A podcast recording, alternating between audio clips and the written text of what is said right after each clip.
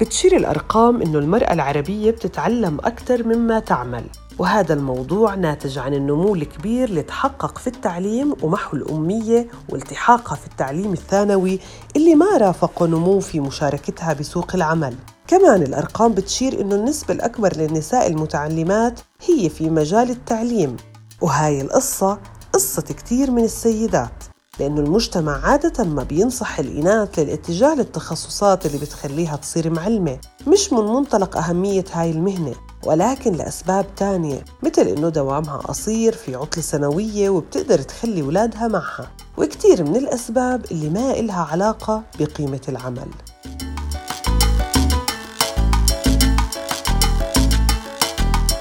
أهلا فيكم في بودكاست قصة قصيرة. تقارير ومؤشرات بتتحدث عن نسب قليلة لمشاركة المرأة في سوق العمل بكل دول العالم وأكثر انخفاضاً في الدول العربية.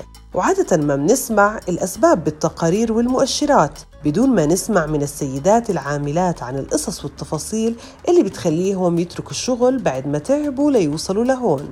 من التحديات اللي بتواجهني أنا في العمل أول شيء طبيعة عملي بين ميداني ومكتبي. سواء ميداني بالميدان أو اجتماعات خارجية. هذا اللي بخلي عندك شوي إرباك. انتي بتطلعي من البيت على أساس إنه انتي رايحة على عملك المكتبي. فجأة بيطلع لك اجتماع بمكان معين بصير لازم تروحي عليه. بهاي اللحظة هل انتي بدك تخبري حدا إنه انتي طالعة عليه من أهلك؟ بلكي صار معك إشي إذا طلعتي وما خبرتيهم. شوي هذا الموضوع يعني بيعمل قلق مش شوي حتى بيعمل قلق كبير.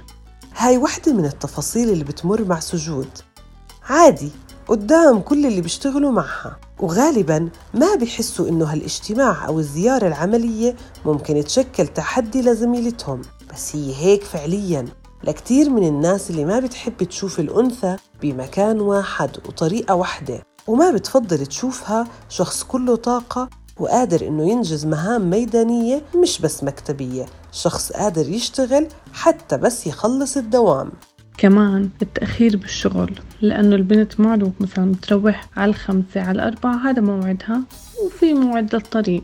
في شغل بتستلميه قبل الترويحة بنص ساعة وبكون ديدلاين تبعه هلأ واليوم لازم يتسلم. تضطري عشان إنه انت تمشي الشغل وتحافظي على شغلك وما تطلعي انت الموظفة المهملة انك تتأخري. هذا الإشي كمان اللي أنت بتعلقي بالأزمة بتتأخري على البيت بتتأخري على الالتزامات إذا عندك. وهذا اللي أكدته زينة اللي واجهت تحدي حقيقي بعد ما تزوجت وأنجبت. أسباب إلها علاقة بالتفاصيل الصغيرة زي وقت الدوام عدم التمكن إنك تاخد شغل إضافي لتراكم المسؤوليات اللي عليك أصلاً. كلها تفاصيل بتخلي السيدات أقل مشاركة من الرجال ودون ما حدا يشعر بذلك أو بدون ما تكون ممنوعة من العمل. أنا تزوجت من سنتين. بالأول ما كان عندي مشاكل بموضوع متى بروح بموضوع عدم انتظام العمل ببعض الأحيان. بس هاي المشكلة صارت أكبر لأنه في عندي بعض الالتزامات والواجبات اللي لازم أعملها في البيت. من العناية بالمنزل من العناية بالبيبي اللي عندي آه، من مسؤوليات البيت. وهذا الإشي سبب لي مشاكل على الصعيد الشخصي وعلى صعيد العمل كمان. بطلت قادرة أطور من نفسي في مجال العمل آه، بسبب المسؤوليات الكبيرة علي. فصارت عندي تحديات كثيرة بالآخر تركت الشغل. رغم أنه المؤشرات بتشير إلى أنه تولي المرأة للمراكز القيادية بازدياد إلا إنه لسه الأرقام عم بتكون متواضعة وفي فارق كبير بينها وبين تمثيل الرجل. الأمر اللي بخلينا نتساءل وين بيروحوا النساء؟ سواء اللي حصلوا على تعليم جيد أو فعلا انخرطوا في العمل بس ما قدروا يتطوروا في السلم الوظيفي. وفعليا لهاي المؤشرات تحديات وقصص بتعيشها السيدات عبرت عنها ربا اللي مختصة في ريادة الأعمال. هلا تحدي بيواجهني آه، أو كان يواجهني في العمل هو تقبل الأهل للعمل أو للتحديات آه، وبعض متطلبات العمل مثل السفر أو تنقل بين محافظات بعيدة خصوصا بالبداية. هلأ شوي شوي بعدين بصير الموضوع أسهل آه، لكن بالبداية بيكون التقبل شوي صعب.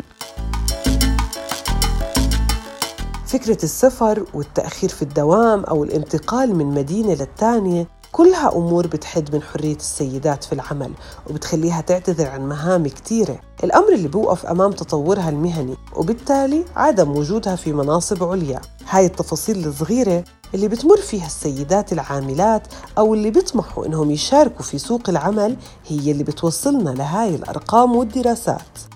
تحدي آخر وأنا بشوف إنه هذا تحدي يعني أعتقد بتواجهه النساء اليوم. أه، فكرة عمل المرأة خرجت من كونها خيار متاح لها صارت واجب يضاف لكل واجباتها التقليدية. والحقيقة حتى لو كانت بعائلة فتحت لها مجال الاختيار. إلا أنه بعد سنوات أه، من العمل أه، والتورط بالقروض وأحيانا لكسب صورة مجتمعية معينة تجد المرأة نفسها مجبورة تشتغل مش مختارة هالشي بكامل إرادتها. بس التحديات اللي بتمر فيها السيدات ما بتوقف قدام الظروف اللي بتجبرها تترك سوق العمل أو توقف لحد معين في التطور. هي بتخلي التزاماتها أكثر وفكرة عملها أساسية مش اختيارية وتضاف لباقي الأعمال الموكولة إليها بطبيعة الحال.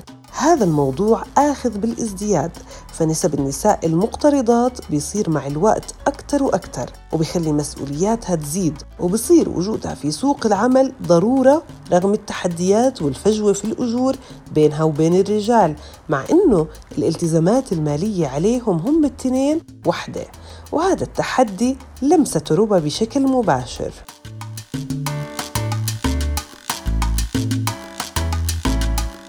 والتحديات بتزيد إذا كان شغلها في مدينة ومكان سكنها في مدينة تانية مثل ما بصير مع سوار.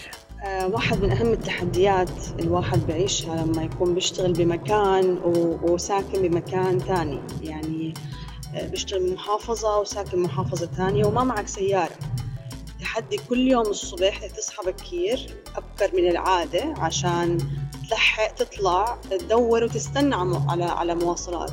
بما أنه بالأردن إحنا ما عندنا أوقات محددة للباصات ولا للسيارات وما بتعرف إمتى بيجوا ما بتعرف إمتى بوصل الباص وكيف بفلل وكيف بيطلع. أنت وحظك. ممكن أحيانا تضطر إنك تركب بتاكسي من شركة مع آه، مجموعة شباب عشان إنه ما في أي نوع من مواصلة ثانية يعني بهاي اللحظة. كل هالقصص بتعيشها السيدات ورا المكاتب ورا الأبواب المغلقة وبينها وبين حالها. لا تقدر تحقق ذاتها أو تحسن دخلها ودخل أسرتها. هاي التفاصيل موجودة بالقصص هي الأسباب الحقيقية وبدون تجميل للمؤشرات اللي منشوفها بالدراسات.